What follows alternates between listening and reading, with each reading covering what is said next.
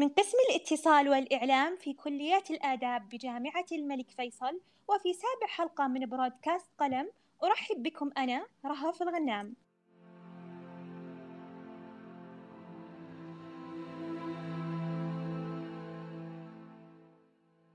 عصرنا الرقمي الذي نعيشه اليوم بحاجة إلى قدرة تمييز وتدقيق من المتلقي أكثر من أي عصر مضى. لا سيما بعد تفوق وسائل الإعلام بكافة أنواعها بتوجيه العقول أكثر من توجيه التعليم بالمدارس بل حتى أكثر من توجيه الوالدين ما نغذي به أدمغتنا من أفكار يؤثر على صحتنا العقلية والنفسية فهل يمكن للهيمنة الإعلامية أن تشكل أفكار الجمهور؟ هذا هو سؤال حلقة اليوم مع ضيفتنا المتألقة عضو هيئة التدريس بقسم الاتصال والإعلام الدكتورة أميرة النمر. أهلا وسهلا فيك دكتورة أميرة. أهلا بك يا رهف وأهلا بكل أعزائي المستمعين. بداية دكتورة أميرة خلينا نبدأ حلقة اليوم بسؤال كيف ينجح الإعلام في التأثير على العقول سواء تأثير سلبي أو إيجابي؟ الحقيقة الإعلام شئنا أو أبينا هو أكبر وسيلة بتساهم في تشكيل عقول الجمهور. وأنا لما أقصد الجمهور هنا فأنا أقصد كافة فئات المجتمع منذ الطفل الصغير لغاية الرجل الكبير. صح. وهذا التشكيل بيأتي ببساطة جدا وخلينا نتكلم بلغة بسيطة يفهمها أي مستمع كريم معانا. حضراتكم لما بنحب نوجه المجتمع نحو فكرة أو قيمة أو سلوك أو شيء جديد سواء نرفضه أو نقبله إزاي الإعلام بيلعب في عقول الناس ويشكلها تجاه الحاجة دي تجاه الفكرة دي تجاه القيمة دي أو تجاه السلوك ده؟ بيبتدي الأول يقدم الفكرة وهي جديدة لم لم يعتاد عليها الجمهور من قبل. قد تكون الفكرة أول ما يقدمها الإعلام للجمهور يرفضها الجمهور ويستهجنها ويشجبها. مع كثرة التكرار تكرار تقديم الفكرة دي في الإعلام وتكرار تعرض الجمهور ليها يبتدي الرفض اللي كان مسبق ده أو الرفض السابق ده يبتدي يتحول لحاجة اسمها مع تكرار التعرض يسميها حاجة اسمها الاعتياد. تبتدي القبول. تتعودي عليها. لسه صحيح. القبول لسه الأول التعود. فهماني يا رهف؟ قبل القبول في التعود. التعود يعني تشوفي الفكرة دي تشوفيها مرة في مسلسل تسمعيها مرة في برنامج تشوفيها مرة فهماني؟ كثرة صحيح. اعتيادك على على هذا الشيء اللي كنت رافضاه قبل كده هيخلق عنده الحالة اللي انت قلتيها يا رهف وهي القبول. صحيح القبول كمان ده لسه. يا ريت الإعلام بيقف عندك خليكي تتقبلي الفكرة اللي كنت في الأول رافضاها. يا ريته بيقف عند هنا. ده يبتدي بقى. القبول قد يتطور مع زيادة كثافة التعرض مع زيادة كثافة التعرض بشكل غير مباشر يبين لك حسنات الشيء دوت حسنات الفكرة دي تبتدي تتحولي بعد القبول كمان إلى حاجة اسمها التبني. بقيتي كمان صحيح. منحازة للفكرة دي فهماني يا رهف أو منحازة فعلاً. للسلوك ده. اللي انت بدأتي في الأول إيه؟ رفضاه واخدة بالك؟ شفت التدرج؟ يبقى جميل. الأول كنت رافضة ومع ذلك مع كثافة التعرض وتكرار الفكرة أو القيمة أو السلوك بدأت أتعود. التعود وصلني لمرحلة اسمها التقبل أو القبول. التقبل وصلني لمرحلة إلى الت... اسمها التبني. والأخطر بقى بعد التبني أن قد يتحول هذا التبني إلى ممارسة هذا الشيء اللي أنا كنت رافضاه في الأول. صحيح. هل لاحظتي قد إيه الإعلام بيشكل عقول الناس؟ أكيد بلا شك. طيب دكتورة أميرة كيف ينجح الإعلامي بتوظيف الإعلام أو خلينا نقول يحسن استخدام الإعلام. ما هو لو هو ما ده الفرق يا رهف ما بين إعلامي دارس زيي وزيك وما بين إعلامي غير دارس. أنا هسمي إعلامي غير دارس. هو فاهم ال- الحلقات دي اللي بتؤدي إلى بعضها ولا مش فاهمها؟ هو فاهم إنه ممكن يطلع يقول كلمة قد لا قد لا يقصد معناها وقد لا يفهم الكلمة دي ممكن تعمل إيه؟ هذه ال- الكلمة قد ممكن تحيي إنسان أو تميت إنسان. تعمل من إنسان قيمة أو تهدم به قيمة. ترفع قيمة في المجتمع إيجابية وتخفي قيمة سلبية أو العكس ترفع قيمة سلبية فهماني وت- وتخفي قيمة إيجابية. ممكن كلمة أو أو أو فيديو أو مقطع فيديو أو فهماني أو طرح يطرحه مذيع في, في, برنامج يؤدي إلى تغيير في النسق القيمي للناس كلها. عشان كده اللي بنقول ليه ليه بنعاني من إن في قيم أصيلة طورت وقيم دخيلة ظهرت وتصدرت المشهد الإعلام هو اللي عمل فينا كده. الإعلامي اللي دارس واعي وفاهم عارف كيف أن الإعلام هو قاطرة الأمة؟ إما أن ينهض بها وإما أن ي- ي- يجعلها يعني زي ما بيقولوا كده تتوارى. وأنا أزعم صحيح. أن كثير من الشعوب اللي تصدرت المشهد العالمي آه، كثير من هذه الأمم أو كثير من هذه الدول لم تكن تملك سوى إعلام قوي عرف يجعل لها مكانة في العالم. فهماني بينما هناك. دول تستحق أكثر مما مما هي عليه لكنها لا تملك هذا الإعلام القوي فإحنا يجب أن نعلم أننا نشكل عقول الناس أننا نصنع نس- نساهم في صناعة ما ما يعرف بالقيم النسق القيمي السلوكيات المبادئ الأفكار الوعي. الوعي برافو عليكي فإذا لو أنا إعلامي دارس وواعي وفاهم وبرضه عشان الناس ما تفهمنيش غلط هل دايما يقولوا لي يعني ما ينفعش يشتغل في الإعلام قال اللي دارس الإعلام هرد عليهم وأقول لهم هو ينفع يبقى طبيب مش دارس طب؟ ينفع يبقى مهندس مش دارس هندسة؟ لا ينفع أكيد. يبقى محامي مش دارس قانون؟ لو كان ينفع في الحالات اللي فاتت دي يبقى ينفع يبقى إعلامي مش دارس إعلام.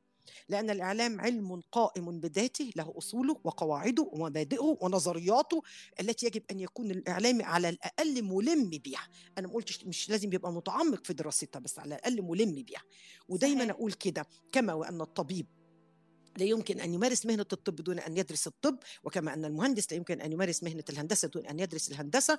تعالوا ليه نشوف إحنا نطرح تساؤل بسيط جدا. طب دول المهندس اللي, اللي لو ما درسش هندسة وبنى بناية وانهارت البناية دي هيتأذي فيها كام؟ بني- 100 100 شخص 200 شخص 500 شخص كانوا في البناية دي مش كده صحيح. طيب الطبيب لو لا قدر الله كان لم يكن لم يكن دارسا للطب وأذى المريض اللي تحت إيده إيه قمة الأذية اللي هيأذيها بيها إنه لا قدر الله يتوفى هذا المريض هو في الآخر شخص مش كده طيب دكتورة أميرة إيش الفرق البارز بين الإعلام الصادق والإعلام المضلل؟ زي الفرق بين آم، الأبيض والأسود زي الفرق ما بين الليل والنهار آه، زي الفرق ما بين النجاح والفشل فهماني ده الفرق ما بين الصدق والكذب. الإعلام. المضلل إنسان بيضلل عقولنا بيقودها نحو الهلاك آه، بيقودها نحو ت- نحو أو يدفعنا نحو تبني إما قيم زائفة أو سلوكيات مرفوضة أو أفكار مضللة أو شائعات كاذبة بهدف طبعا آه، اولا بهدف إيه؟ بهدف خلق عقلية ضعيفة. أسوأ حاجة في الإنسان يراها في عقله مشوش ضعيف مش فاهم مش صحيح. واعي. وأنا دايما أقول أنا ما بخافش غير على الإنسان اللي مش واعي. هو لو عنده وعي ما خافش عليه إنما ما عندوش وعي يمكن أن تتقذفه الأمواج ويمكن أن يتلعب في عقله وممكن طبعا أحوله إرهابي وأحوله آه، تكفيري وأحوله إلى مدمر للمجتمع بتاعه كاره للمجتمع. ده أنا ممكن أحوله كاره لنفسه. كاره لنفسه قوم أكيد طبعاً. فاهماني فللأسف صحيح. الإعلام المضلل أصبح بيعمل مننا كده دلوقتي يخلق حوالينا حالة من الغموض والمعلومات الكاذبة والشائعات المضللة بهدف البلبلة بهدف إثارة الش... البلبلة في الناس أنا بقول دايما أسوأ حاجة في الدنيا تجويف العقول ده. وحش قوي أن أجعل العقول. فارغة خاوية فهماني صارت الحياة بتدور في فلك ال social media حتى للأسف حتى فعلاً. الصديقات وطالبات الجامعة أنا لاحظتها ظاهرة عندنا يا رهف. البنات طول ما هم قاعدين حتى يا إما قاعدين لازقين وشهم في الموبايل بتتفرج على حاجة على تويتر ولا سناب شات ولا انستجرام ولا ولا الفيسبوك ولما بيتكلموا بيتكلموا حتى على ما ينشر على هذه المواقع الاجتماعية. تخيلي؟ أصبحت هي فعلاً. مادة الحوار المشترك بين البنات. فنحن أمام ظواهر كثيرة جدا للأسف يتحمل الإعلام والإعلامي الإعلام والإعلامي. ال- الإعلام كوسيلة والإعلام كقائم في هذه الوسيلة أو ال- أو المسؤول عن هذه الوسيلة هم اللي بيتحملوا بعض هذه الأشياء الظواهر الغريبة اللي بدأنا نلاحظها دي. فعلا. طيب دكتورة أميرة من وجهة نظرك هل قدرة الإعلام على تشكيل وع- وعي زائف دائما يتطلب الكذب؟ آه لا مش بالضرورة. يعني دايما أقول لو الشائعة قائمة على معلومة كلها كاذبة ما أسهل ضغطها. حتى عقل الناس ما بيتقبلهاش. يا شيخ يقولوا يا شيخ ده كلام مش منطقي. إنما الخطورة يا راف عندما يوضع السم في العسل. بمعنى يجي إعلامي آه، مضلل آه، مزيف كاذب يبتدي يجيب معلومة فيها جزء من الصحة ثم ينسج عليها الكثير من الأكاذيب والإدعاءات وال وال وال والفهماني وال والشائعات. للأسف صحيح هذه. هي اللي بتجد تربه خصبه للتصديق لأن لما تيجي تدحضيها يقول لك بس ده حصل فعلا. أيوه هو حصل. لكن الجزء اللي في الصحة جزء الصحة اللي في المعلومة قليل جدا. وما نسج بعدها من خرافات وافتراءات وابتلاءات فهماني فهو كذب. للأسف هذه بيسموها الدعاية الرمادية ودي دايما الأخطر. صحيح صحيح. طيب دكتورة لا شك أن التو... آه، تأثير التواصل اللفظي كبير على الجمهور. ولكن سؤالي كيف للتواصل الغير لفظي تأثير على الرسالة الإعلامية؟ الحقيقة ال- قضية التواصل غير اللفظي بدأت تظهر تاني على على الساحة وتجد أهمية تانية كبرى آه، مع ظهور مواقع التواصل الاجتماعي. ليه؟ مواقع التواصل الاجتماعي ما عادتش قائمة على الكتابة فقط. فهماني؟ طبعا ده له أهمية كبيرة جدا.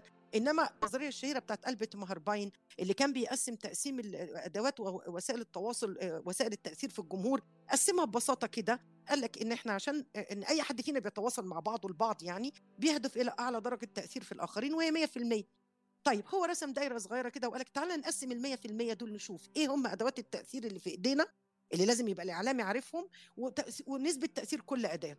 فقال إن الكلمات الملفوظة أو الكلمات المنطوقة أو الاتصال اللفظي تأثيرها 7% فقط. من ال 100% تخيلي؟ طب أمال ال 93% أيوة التانيين رايحين فين؟ قال إن 38% رايحين لنبرة الصوت.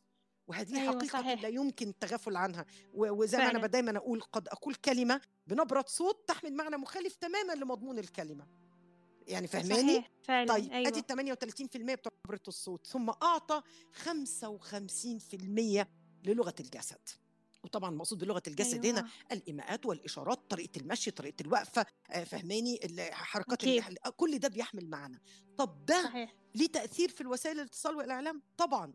طبعا. ده إحنا بنقول أكيد بلا شك. بالظبط ده إحنا بنقول بس في ال social media. هم اللي هم ليه عملوا الأول رسومات الإيموجي؟ هي رموزات رسومات الإيموجي الهدف منها إيه؟ زيادة تأثير الكلام صح ولا غلط؟ اني بدل ما اعمل لك إن أنا علامه بضحك اعمل لك smile face أو اعمل لك love face وش بيضحك.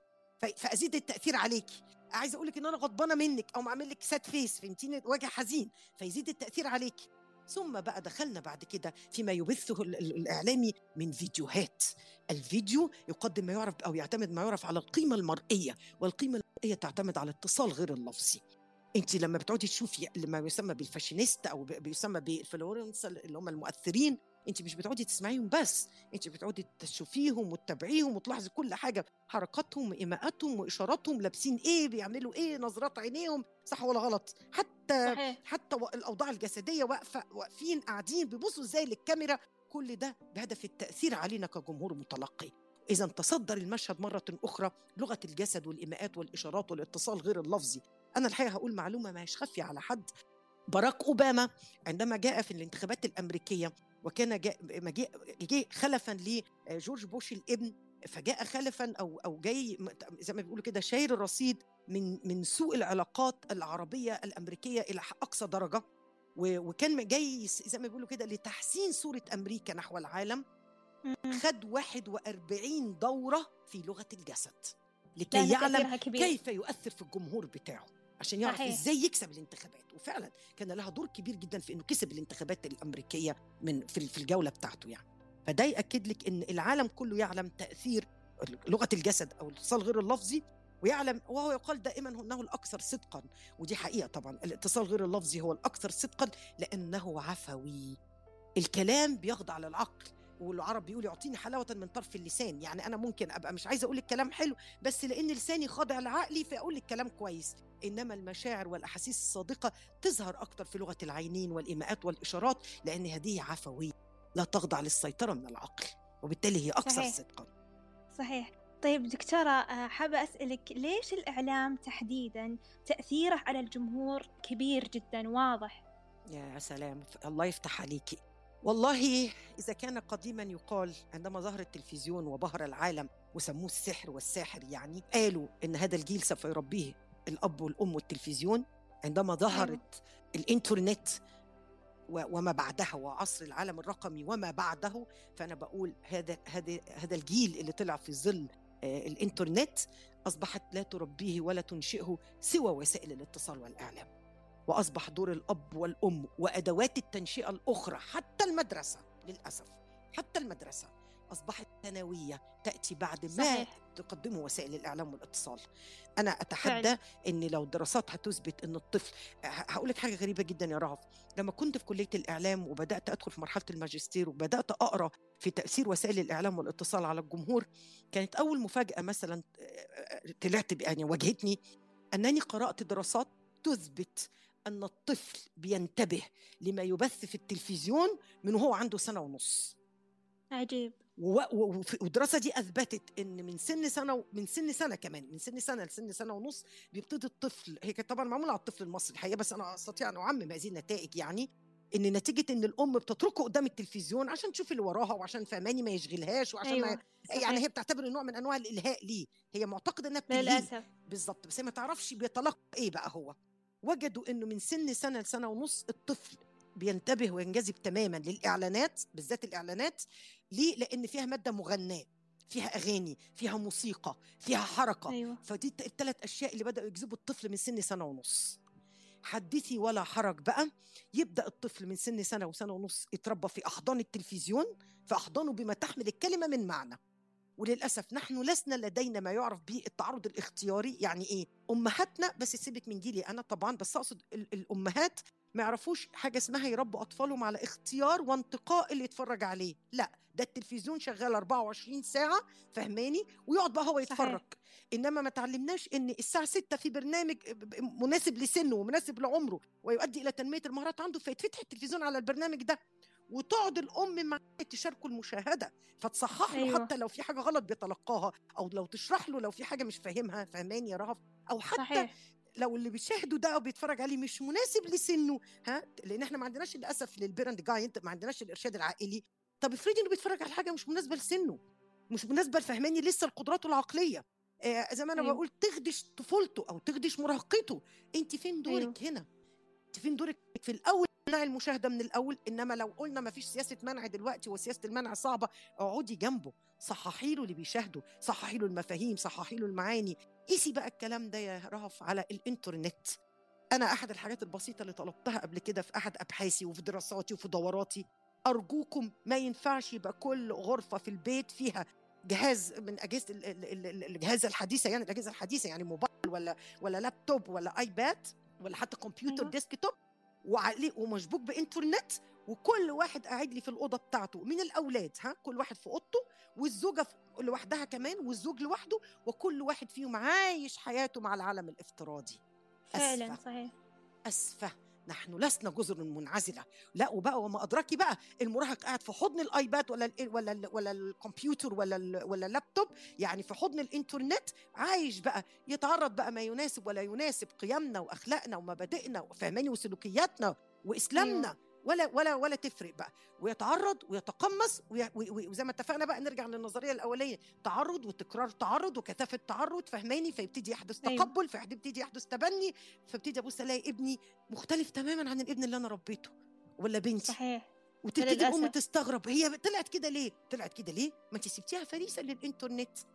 أول طلب بطلبه من من من هذه من, من هذه المنصة الإعلامية الرائعة الراقية أرجوكم ما يبقاش في حتى لو هنقعد على الإنترنت نبقى كلنا قاعدين في الصالة سوا أو في في غرفه سوا مع بعض سوا لأن كل واحد فينا هيشعر إن التاني رقيب عليه. فعلا.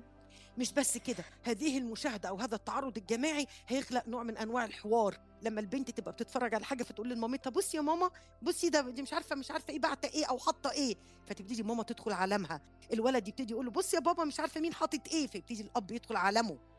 فهماني يا- رهف فعلا صح فإذا كان صحيح. إذا كان الإنترنت أصبح واقع لا يمكن أن نرفضه فعلينا أن نحسن التعامل مع هذا الواقع. نأخذ أفضل ما فيه ونترك أسوأ ما فيه. دكتورة أميرة من وجهة نظرك هل الإعلام اليوم بصورته الرقمية أخطر من الإعلام التقليدي؟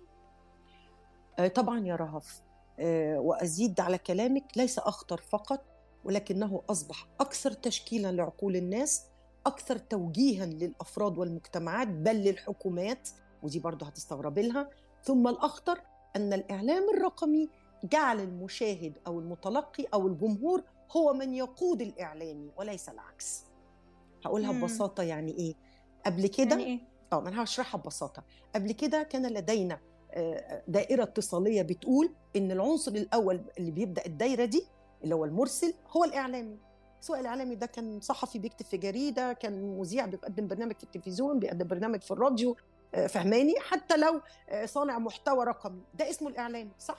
ده اللي بيعمل صحيح. الرسالة وده اللي عنده الفكر واللي قلنا عليه قبل كده الأفكار والقيم والسلوكيات اللي عايز ينشرها بين الجمهور. ده القائم بالاتصال أو المرسل.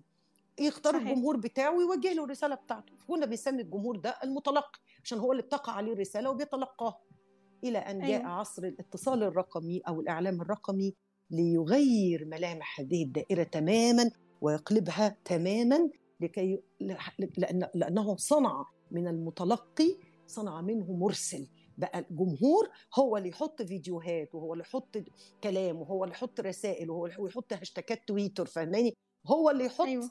فكره ورؤيته.